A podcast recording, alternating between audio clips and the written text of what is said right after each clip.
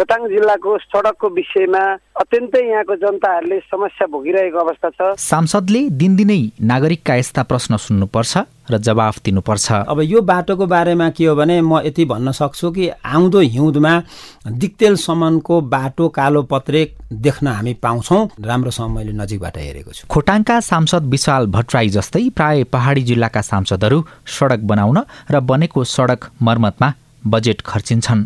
रुकुम पूर्वबाट निर्वाचित सांसद कमला रोक्का र स्याङ्जा एकका सांसद नारायण प्रसाद मरासिनीलाई पनि आफ्नो जिल्लाको सडककै चिन्ता छ। मध्य पहाडी लोकमार्ग दुई वर्षभित्र यसले पिच सम्पन्न गर्छ। पचपन्न किलोमिटर रुकुम पूर्वमा पर्छ।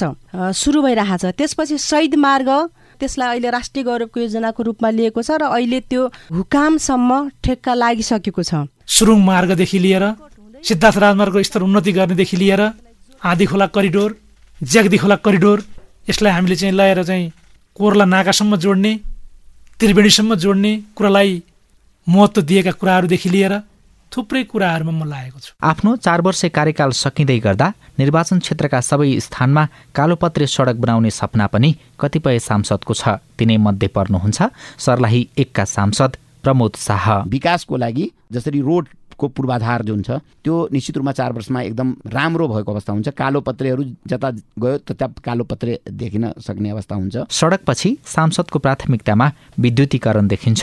चुनावपछि डेढ वर्षको अवधिमा सिआइएनको हेलो सांसद श्रृङ्खलामा जोडिएका सतहत्तरजना सांसद मध्ये आधाभन्दा बढीले विद्युतीकरणलाई विकासको मूल आधार मानेको देखियो।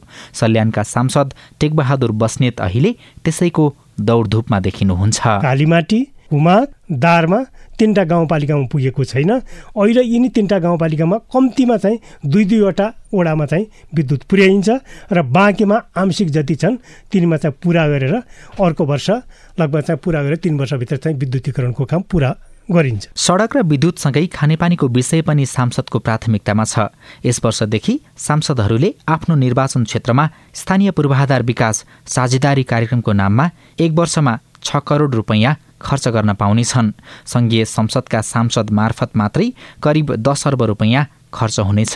त्यो रकम केमा खर्च हुन्छ त? तीर्थम जिल्लामा विभिन्न ठाउँ जस्तो चाहिँ गौखुरी गुफा चिचिलिङ पोखरी विभिन्न पोखरीहरू पनि छन्।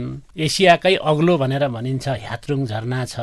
यिनैको चाहिँ विकास गर्दै पर्यटन विकासको लागि अगाडि बढाउन सक्छौँ। जुन खानेपानीको चाहिँ विस्तार गर्नका लागि योजनाहरू चाहिँ ल्याउनु भएको छ त्यहाँबाट जनताले र त्यो योजनालाई कार्यान्वयन गर्नेतर्फ चाहिँ मैले लागिरहेको छु। मेरो क्षेत्रभित्रका विद्यार्थीहरूलाई क्वालिटीको एजुकेसन प्रदान गर्नेदेखि लिएर हेल्थ सेक्टरको पनि सर्भिस प्रोभाइड गर्नेदेखि लिएर म सबै चिजलाई मध्यनजर गरेर मेरो मास्टर प्लान म बनाउँदैछु। सांसदका दुःख पनि कम छैनन्। निर्वाचनमा घोषणापत्र बनाउँछन्। शिरदेखि पुछारसम्मका विकासका कुरा गर्छन्। सांसदकै भनाइ मान्ने हो भने नत्र भोट पाइँदैन। त्यसको अर्थ उनीहरूले आफूले पाउने पैसालाई भोट बैङ्क बनाएका छन्। त्यसो भए नागरिक तहमा सांसदको भूमिका नबुझिएकै हो त। संसदीय मामिलाका जानकार भन्छन् नबुझेको भए बुझाउने जिम्मा पनि तिनै सांसदकै हो। राजन रुचाल सिआइएन काठमाडौँ।